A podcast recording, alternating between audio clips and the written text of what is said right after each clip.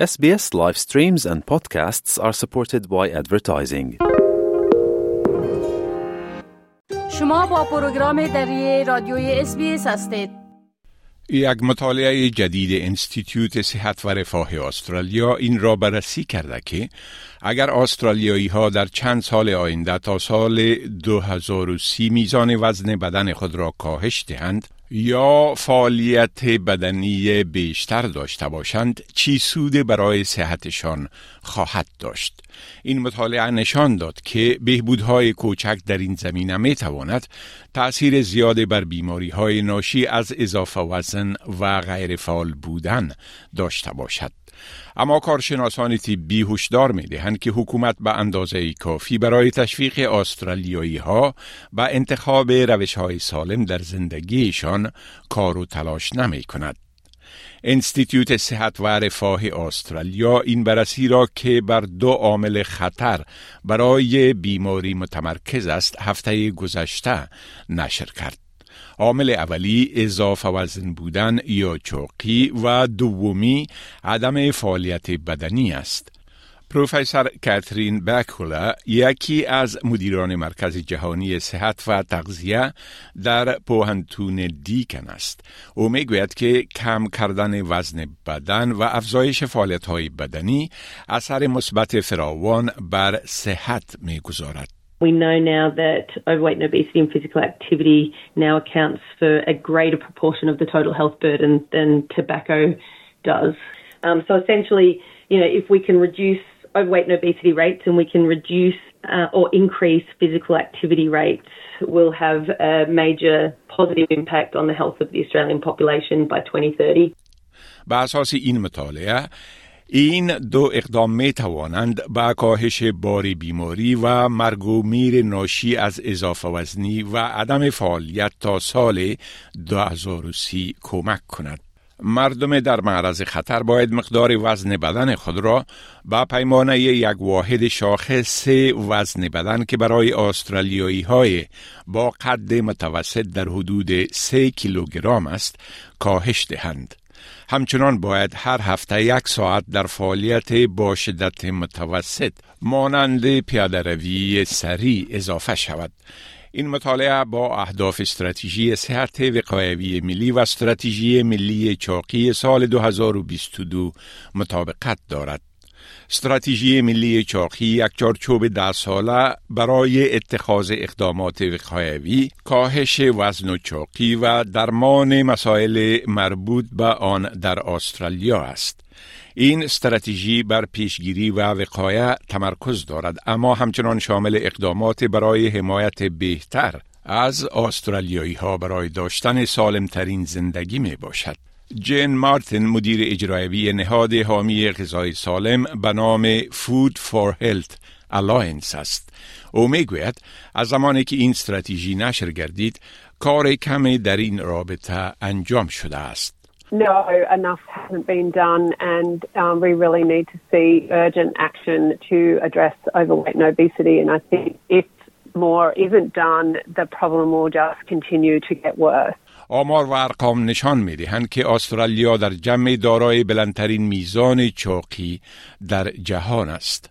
این کشور در سالهای 2017 تا 2019 در بین کشورهای توسعه یافته دارای 31 فیصد بزرگسالان مبتلا به چاقی در ردیف پنجم قرار گرفت.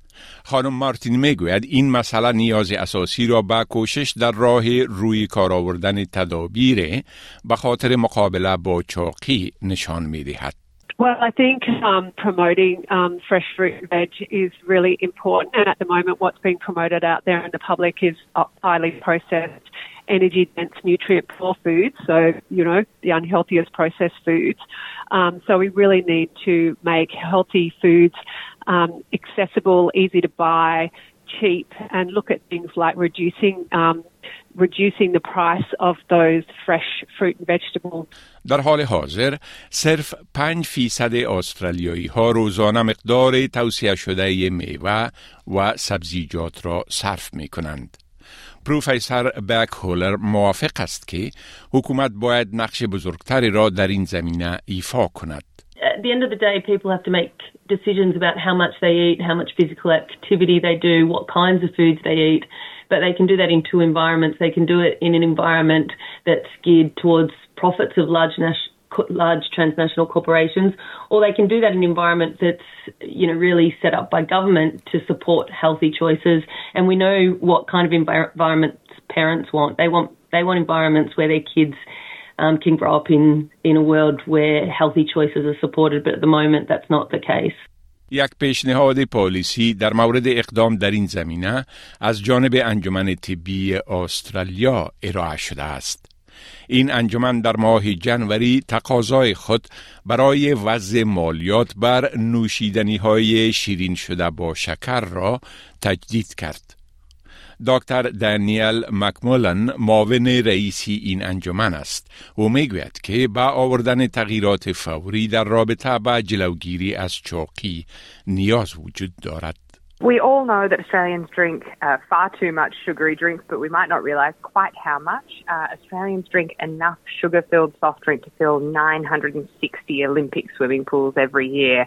So we really need something to turn that around and help people choose water instead uh, for the benefit of their health and particularly for our children.